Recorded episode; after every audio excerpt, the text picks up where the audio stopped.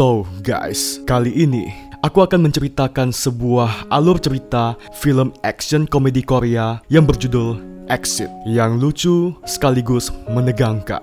Seperti biasa, sebelum kita mulai ceritanya, siapin dulu snack kamu, rengginang, atau sisa-sisa peyek juga boleh, daripada nggak ada kan? Jangan lupa juga subscribe dan pijit tombol lonceng. Jadi, ntar kalau ada video baru, kamu jadi orang yang pertama yang nonton. Mohon perhatian, pintu teater Mampius sudah dibuka.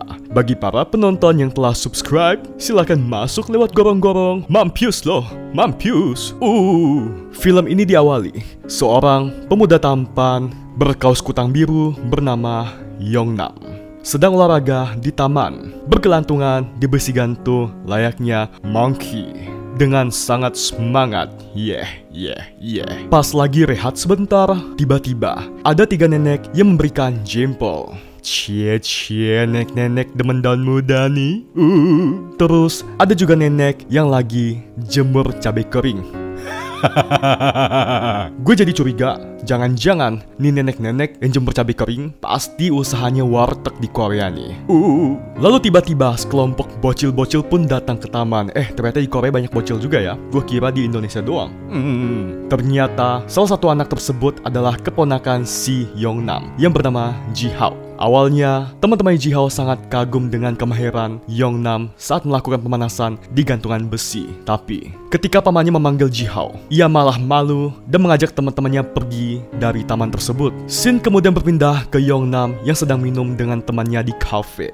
Saat lagi asik-asik ngobrol, tiba-tiba ia dan semua orang di kafe tersebut mendapatkan peringatan gempa di HP mereka masing-masing. Kemudian Yongnam sudah kembali ke rumah dan sedang cuci piring. Sementara itu, ibu dan ayahnya gelut dong kayak kucing komplek tuh. Mereka rebutan remote TV. Setelah ia cuci piring, ia pun leha-leha di kamar. Saat lagi leha-leha, datanglah si kakak ke kamarnya dengan tingkah yang menyebalkan. Dan dia pun mengomel mengenai baju Yongnam yang bau di dalam lemari. Tampaknya Yongnam agak jorok orangnya. Kakaknya juga memberinya uang untuk potong rambut. Eh, tapi Yongnam malah membuang duitnya karena tersinggung. Otomatis ditabokin dong sama kakaknya. Terus kakaknya masih terus mengomel dan mengacak-ngacak kamarnya. Eh pas dibuka lemari satunya lagi yang berisi peralatan panjat tebing, ia malah tambah diomelin dong. Karena kakaknya menganggap Yongnam hanya melakukan hal yang tidak berguna. Terus Yongnam pun mengusir kakaknya secara paksa keluar kamarnya karena kesal. Eh tapi uang kakaknya yang dikasih ke Yongnam untuk potong rambut diembat lagi dong. Hmm. Shin pun berpindah ke Yongnam yang lagi latihan panjat tebing. Di situ ia manjat bareng dengan seorang wanita cantik yang juga adalah seorang pemanjat tebing yang bernama Yijo. Setibanya Yongnam di rumah, terlihat ia sedang merapikan rambutnya. Eh, pas rambutnya sudah rapi, tiba-tiba datang ibunya yang mengacak-ngacak rambutnya. Sontak membuat Yongnam kesal. Dengan pakaian rapi, adat-adat Korea gitu deh. Ia, ibunya, ayahnya naik ke mobil dan berangkatlah mereka ke sebuah acara. Saat sampai di ruang acara, mereka pun terlihat bersosialisasi dengan sesama kerabat dan saudaranya mereka. Saat sedang makan satu meja dengan sepupu-sepupunya, ia malah dibully karena ia adalah pengangguran. Ini membuat Yongnam sangat kesal. Sampai-sampai mau nelan daging aja pasti nyasar tuh di ulu hati, saking kesalnya. Terus, foto bersama pun dilakukan dengan diiringi oleh MC. Eh, pas salah satu pelayan sedang menyalakan lilin, tiba-tiba pelayan tersebut saling tatap-tatapan dong dengan Yongnam. Ternyata pas banget nih, pelayan tersebut adalah Yijo, wanita yang biasanya latihan panjat tebing bareng dengan Yongnam. Setelah itu, mereka berdua pun berbincang-bincang di tangga. Yijo mengatakan kalau ia adalah seorang wakil manajer. Sedangkan Yongnam berbohong, dia bilang kalau ia adalah seorang kepala bagian di perusahaan investasi. Mereka juga bernostalgia. Ternyata, dulu Yongnam sempat ditolak Yujo. Abis itu, pas di halte, dia nangis deh. Hmm. Oh ya, ternyata acara tersebut adalah acara ulang tahun ibunya yang ke-70. Terlihat mereka sangat bahagia berjoget di pesta tersebut. Terus di sebuah ruangan, terlihat si MC yang juga adalah seorang manajer berusaha menyatakan cinta ke Yujo, namun ia ditolak. Shin berpindah ke sebuah truk yang membawa muatan gas. Tiba-tiba berhenti dan si supir membocorkan gas tersebut. Terlihat gas yang ternyata berbahaya tersebut mulai menyebar di tengah kota dan membuat satu persatu orang tumbang. Orang-orang di daerah tersebut pun panik. Jalan raya terlihat sangat kacau. Kecelakaan di mana-mana. Sampai saat di mana mobil pickup yang membawa tabung gas tiba-tiba ditabrak oleh truk dan membuat tabung gas tersebut mental.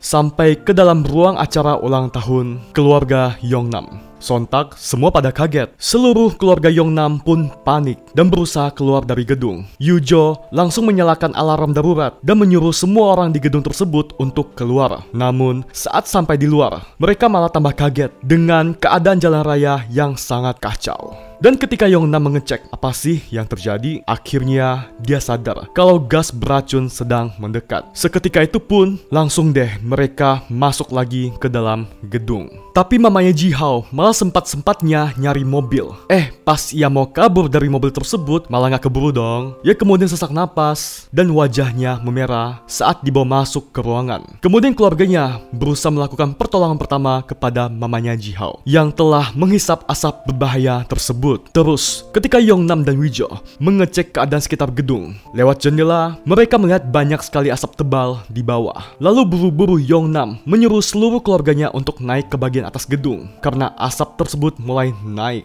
Namun keluarganya malah nyuekin dia dan nggak percaya. Tiba-tiba handphone mereka pun berbunyi. Ya, mereka semua mendapatkan peringatan dari pemerintah untuk segera melakukan evakuasi ke atap gedung, baru deh mereka percaya. Tapi, pas sampai di atas, kunci pintunya malah pakai ketinggalan segala lagi, sehingga mereka pun nggak bisa keluar. Mereka berusaha mendobrak pintu, tapi tidak berhasil. Ketika mereka sedang mencari cara untuk membuka pintu, mereka melihat tayangan di televisi kalau gas berbahaya tersebut dapat menyebabkan kerusakan pada pernapasan setelah beberapa menit saja terkena pada kulit atau mata.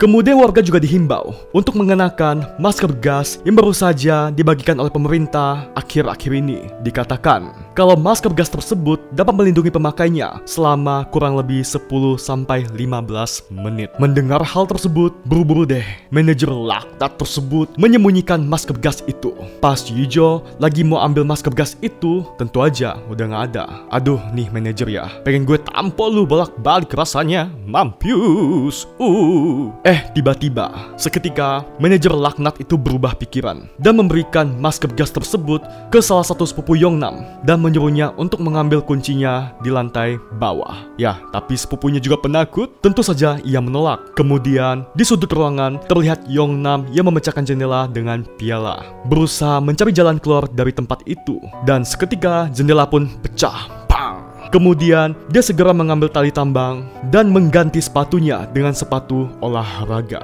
Awalnya, keluarganya melarangnya, namun secara spontan dia loncat ke gedung seberang dan kemampuannya dalam olahraga panjat tebing pun diuji di sini. Awalnya, Yongnam sempat terpleset, namun Jihao, ponakannya, terus memberinya semangat, sehingga ia pun berhasil naik dengan selamat. Terus Yongnam mulai mencari cara lagi. Dengan spontan, Yujo mengambil pengait panjat tebing miliknya dan memberikannya kepada Yongnam. Yongnam pun langsung memulai aksinya, loncat balik ke gedung sebelumnya dengan tongkat besi. Awalnya, ia sempat terjatuh. Namun untungnya, ia berhasil memegang salah satu tembok yang ada di situ dan terus memanjat ke atas gedung hingga pada suatu titik. Tali pengamannya nyangkut dong. Aduh, ada-ada aja deh. Mau nggak mau, ia pun memberanikan diri ngelepasin tali pengaman tersebut dan membuat Yujo dan keluarganya panik nik nik nik nik. Kemudian Yongnam pun terus memanjat ke atas tanpa tali pengaman. Situasi benar-benar sangat menegangkan. Saat di mana dia memegang gigi salah satu patung kepala singa. Eh, tiba-tiba gigi tersebut lepas dong. Mampius. Beneran mampius nih. Hmm. Dan akhirnya, dengan kegigihan Yongnam, ia pun sampai ke atap dengan selamat. Yeah dan berhasil membuka pintu untuk keluarganya. Dan akhirnya juga seluruh keluarganya mulai mengakui Yongnam. Terus mereka semua berusaha memanggil helikopter. Namun helikopter tersebut tidak menyadari keberadaan mereka. Walaupun udah pada teriak-teriak nih kayak tukang somai, somai, mai, mai, uh. Mai. Untungnya, Yujo mendapatkan ide, yaitu dia menyuruh mereka semua memberikan sinyal bantuan helikopter dengan handphone yang dibuat seolah-olah kedap-kedip cahayanya dengan tangan mereka. Di scene lain, diberitahu kalau Orang yang melepaskan gas berbahaya tersebut adalah seorang farmasi yang juga adalah seorang pemilik dari sebuah perusahaan kimia yang melakukan balas dendam gitu deh. Ya, walaupun dia juga goodbye sih ke surga. Eh, sorry, ke neraka dong ya. Kan dia jahat. Hmm. Sin balik lagi ke Yongnam dan keluarganya yang berusaha memanggil helikopter. Namun, masih terus dikacangin. Terus, salah satu dari sepupu Yongnam kemudian segera mengambil speaker dan mikrofon. Ya, ya, mereka pun mulai menyanyi untuk menarik perhatian helikopter. Sumpah di sini gue ngakak sih. Mampus. Beneran deh ngakak. Kemudian, Yujo yang memang dasarnya jenius banget nih cewek. Dia pun langsung pergi ke ruang saklar lampu untuk mengedap-ngedipkan lampu di sekitar sana agar bisa benar-benar menarik perhatian helikopter. Akhirnya, usahanya pun membuahkan hasil. Helikopter pun berhasil menyadari keberadaan mereka dan helikopter pun turun untuk mengevakuasi mereka semua. Eh, tapi ada drama lagi nih. Emang film drama sih, tapi ya ampun deh. Saat Yujo naik ke atas lagi, ia malah kepleset dong. Terus HP-nya malah jatuh ke bawah. Terus, karena helikopter yang melakukan evakuasi kelebihan muatan, akhirnya Yongnam dan Yujo pun tidak ikut dievakuasi. Dan mereka disarankan menunggu helikopter selanjutnya. Terus, keluarganya pada histeris dong. Yujo yang awalnya tegar, ujung-ujungnya mewek juga karena ketakutan. Yongnam langsung berinisiatif mengajak Yujo ke gedung yang ada helipadnya. Soalnya, di gedung yang ada helipadnya, kemungkinan besar heli akan singgah dan mendarat di situ. Segera deh Yongnam dan Yujo mengambil peralatan panjat tebing mereka. Saat Yongnam mengambil tali tambang di lantai bawah, terlihat asap mulai naik. Mereka juga mengenakan masker gas dari pemerintah dan berlari dengan itu ke gedung yang ada helipadnya. Saat di jalan raya, ternyata waktu semakin menipis. Masker gasnya sudah terpakai 7 menit lebih. Sementara maksimal penggunaan masker gas tersebut cuma 15 menit. Mereka langsung masuk deh ke salah satu gedung karena dirasa, wah udah nggak keburu nih. Eh pas mereka naik ke atas gedung, gedungnya kurang tinggi dong. Jadi masih kelelep asap juga tuh. Lah pas di atas tiba-tiba Yongnam kabur dari situ dong. Turun ke bawah untuk cari masker pengganti. Soalnya kan cuma ada tiga tuh di mereka. Awalnya Yongnam berusaha kasih tahu ke Yujo kalau dia mau ke bawah untuk mengambil masker pengganti. Namun karena suara Yongnam ketutup sama maskernya, jadi nggak kedengaran deh tuh. Nah, di situ Yujo malah ngirain Yongnam mau kabur. Eh, nggak lama Yongnam datang dong dan langsung mengganti masker Yujo dengan yang baru. Cie cie so sweet. Makanya lo jangan negatif thinking dulu. Uh, di scene lain terlihat ayahnya Yongnam dengan beberapa bapyak-bapyak lain mau menyewa taksi untuk menjemput anak mereka. Awalnya, supir taksi menolak. Eh, ujung-ujungnya oke juga dan mereka pun cus. Sementara Yongnam dan Yujo masih terus mencari cara untuk ke gedung yang ada helipadnya. Karena masker gasnya sudah mencapai batasannya, mereka pun melepasnya. Terus, mereka berdua nyebrang ke gedung sebelahnya dengan tali yang dibebankan ke barbel. Yujo menyeberang terlebih dahulu. Walaupun akhirnya Yujo berhasil sampai ke gedung di seberangnya. Eh, eh, eh, tapi pas giliran Yongnam yang nyebrang, asapnya tiba-tiba kesedot dong ke atas sama penyedot asap Korean barbecue gitu. Apes, apes, apes. Buru-buru Yongnam balik dan memakai masker gas dan nyebrang kembali. Sementara di berita, dikatakan kalau gas beracun tersebut dapat dinetralkan dengan siraman air. Terus Sin berpindah ke ayah Yongnam dan bapyak-bapyak yang lain. Mereka terlihat berada di tepi sungai untuk mengamati keadaan daerah yang masih diselimuti asap beracun. Sin balik lagi ke Yongnam dan Yujo. Saat itu mereka sudah di atas gedung. Yongnam langsung menelpon ke tim pengevakuasian. Terus, karena minimal orang yang dapat dievakuasi adalah 20 orang, Yujo akhirnya punya ide untuk menggunakan manekin dan mengecoh para tim evakuasi. Oh, ternyata pas helikopter udah hampir berhasil mengevakuasi mereka berdua, di gedung seberang ada sekelompok anak-anak yang juga membutuhkan pertolongan dan mereka pun ngalah dengan memberikan anak-anak tersebut dievakuasi terlebih dahulu. Di scene lain, terlihat ayah Yongnam dan bapyak-bapyak yang lain berusaha merental sekelompok pemain drone untuk mencari Yongnam dengan menggunakan drone. Awalnya mereka menolak, namun setelah disodorin duit segepok money, money, money, and money, siapa sih yang nolak ya kan? Dan mereka pun oke. Okay. Akhirnya drone tersebut pun menemukan mereka berdua. Eh tiba-tiba mereka kepergok dong sama polisi